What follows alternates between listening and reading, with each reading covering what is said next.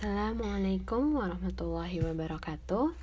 Bismillahirrahmanirrahim. Rabbi syrah li sadri Wa amri. Wahlul uqadatam min lisani Yafqahu qawli. Asyhadu an la ilaha illallah Wa asyhadu anna muhammadan abduhu wa rasuluh.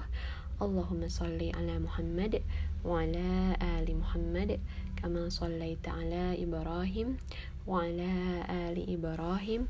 Innaka hamidum majid Halo teman-teman semua, Alhamdulillahirrabbilalamin Hari ini saya bisa ngelanjutin refleksi dari refleksinya Imam Omar, Sule Imam Omar Sulaiman Yang judulnya Layers of Misguidance. Jadi kalau bahasa Indonesia-nya mungkin lapisan-lapisan kesesatan kali ya. Nah, uh, di sini tuh di masih di ayat 3 ada fragmen ulaika fi dolalim ba'id. Nah, jadi dolalim ba'id ini adalah uh, apa ya kesesatan yang sangat jauh gitu. Nah tapi kita juga pernah mendengar di beberapa surat di Al-Quran ada dolalim mubin sama dolalin kabir. Nah di podcast kali ini insya Allah saya akan ngebahas hal-hal yang udah dibahas juga sama Imam Omar Sulaiman di videonya Jadi perbedaan tiga lapisan kesesatan tersebut Yang pertama untuk dolalim ba'id di sini di ayat ini di ayat 3 itu ada tiga kan cirinya Yang pertama adalah cinta dunia terlalu terlalu cinta gitu sampai mereka seakan-akan mau menghancurkan masa depan akhiratnya. Selanjutnya adalah ngajak-ngajak orang jadi kayak mendivert others juga untuk ikut ke jalan mereka. Yang ketiga adalah twist uh, this path gitu ya nge-twist kebenaran-kebenaran yang ada di Islam untuk kepentingan dirinya sendiri gitu. Jadi kayak either dibuat lebih tidak mengancam kah atau pokoknya mah yang penting nyaman aja gitu ya. Nah itu tiga itu Terus kenapa dola limbangit? Jadi ini tuh kayak far away, far astray-nya tuh udah udah far banget jauh gitu ya. Ini tuh karena dola limbang ini menunjukkan distance atau jarak antara orang tersebut yang melakukan kesesatan dan Allah Subhanahu wa taala. Dan di sini kita bisa tahu bahwa seperti yang di episode eh, berapa gitu ya tentang setan, bahwa setan tuh nggak peduli kita masuk ke jalan yang mana gitu kan. Kita tuh ada di Sirotil Azizil Hamid Nah, terus di samping-sampingnya kan ada pintu-pintu kesesatan itu. Nah, setan tuh akan selalu berusaha untuk memasukkan kita ke si anyway, bukan memasukkan bahkan membisikkan karena kita yang memutuskan kan untuk akhirnya uh, go astray gitu. Nah, Uh, jadi yang penting buat setan adalah kita ya udah yang penting di jalan yang buruk aja bukan di jalan yang benar gitu. Nah, syatana ini, syaitan ini nah ada kata juga namanya syatana. Nah, kata ini tuh artinya adalah dig your well. Jadi, setan ini akan membantu kita untuk untuk ngedip, deep, deep, deepin kesesatan kita gitu. Jadi kita makin jauh, makin jauh, makin jauh gitu dari Allah. Dan gak peduli ya setan mau uh, kita mau masuknya dari mana, yang penting mah jauh gitu dari Allah. Nah, Padahal sebenarnya dengan kita menginisiasi proses taubat, taubat itu artinya kembali ya, kembali ke Allah. Itu tuh kita uh, sudah apa ya istilahnya mah sudah bisa gitu balik lagi ke jalannya Allah.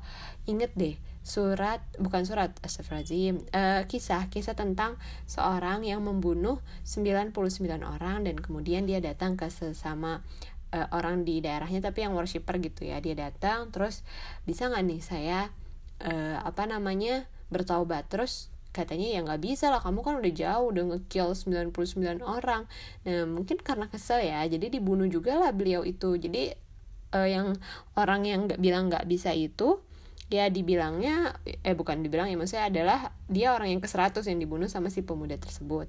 Selanjutnya akhirnya dia menemui seorang scholar atau orang yang belajar lah ya kasarnya. Terus uh, scholar itu bilang, "Siapa yang bisa membatasi antara diri kamu dan juga rahmat Allah, ampunan Allah? Itu siapa sih yang bisa ngebatasin?" Terus akhirnya ya tapi dikasih saran gitu untuk hijrah atau pindah dari lingkungan yang sebelumnya ke lingkungan yang baru yang akan membuat dia lebih bisa bertekad gitu untuk kembali kepada Allah. Nah, tapi sayangnya di perjalanan beliau meninggal.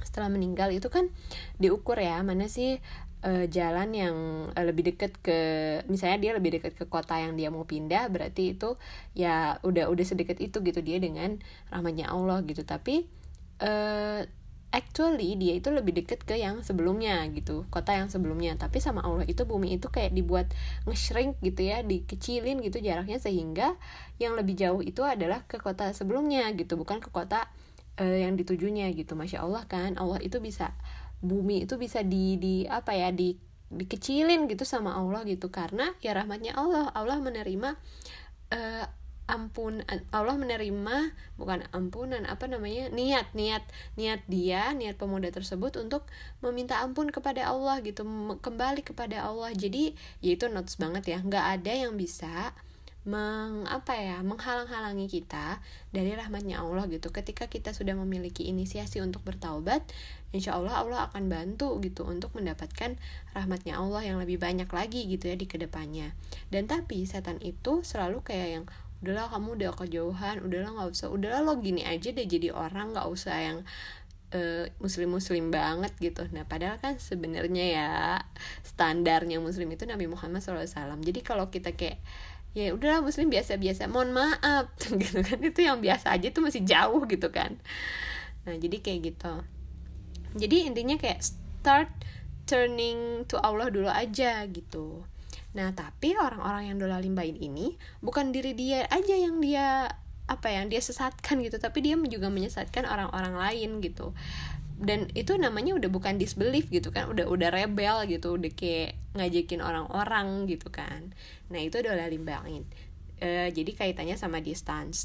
Kalau sekarang ada dolalim mubin, kita akan bahas dolalim mubin Nah, dolali mubin ini artinya clear error gitu. Jadi udah error yang benar-benar clear. Nah, ini contohnya adalah di zaman Nabi Ibrahim alaihissalam ketika beliau menjelaskan kepada idol worshipper gitu, penyembah-penyembah berhala itu bahwa kayak yang ini nggak make sense banget gitu ya. Tuhan itu ya seharusnya dia bisa memberimu manfaat gitu kan ini kok nggak nggak bisa gitu nah itu udah udah sengasih argumen selogikal itu tapi orang-orangnya tetap ya nggak nggak apa ya nggak nggak mau gitu. Karena mereka udah istilahnya mah udah kayak ya ini kan uh, dari apa argumennya tuh yang kayak ini dari dari uh, nenek moyang kita gitu. Jadi ya agak-agak mirip cuman ini lebih ke kayak kalau Nabi Ibrahim alaihissalam tuh uh, using common sense nah terus pakai bukti yang nyata juga gitu. Udah jelas kan gitu bahwa ya Tuhannya itu tidak bisa memberikan manfaat gitu tidak bisa mematikan tidak bisa menghidupkan tidak bisa membuat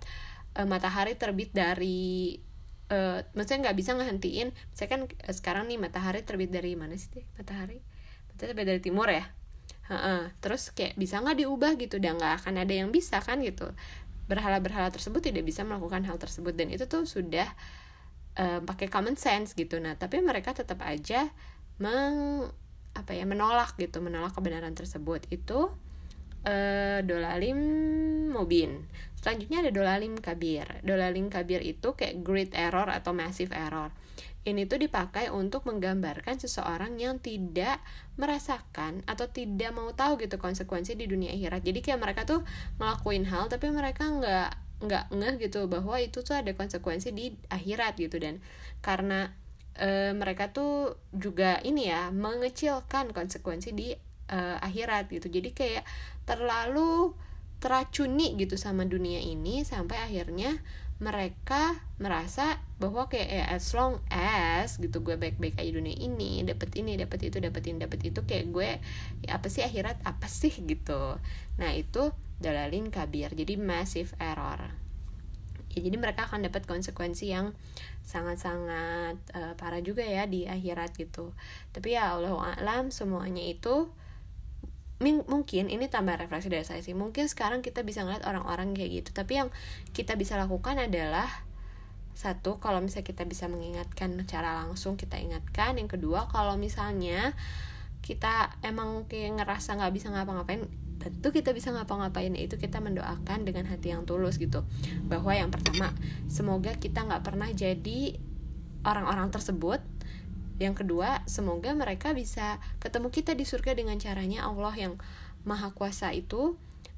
Ya Allah juga berkuasa gitu buat membuat orang yang hari ini terlihat seperti itu menjadi uh, ya seperti pemuda yang tadi yang membunuh 100 orang tadi kan kayak ya who knows gitu bahwa rahmat Allah tuh tumpahnya gitu ya.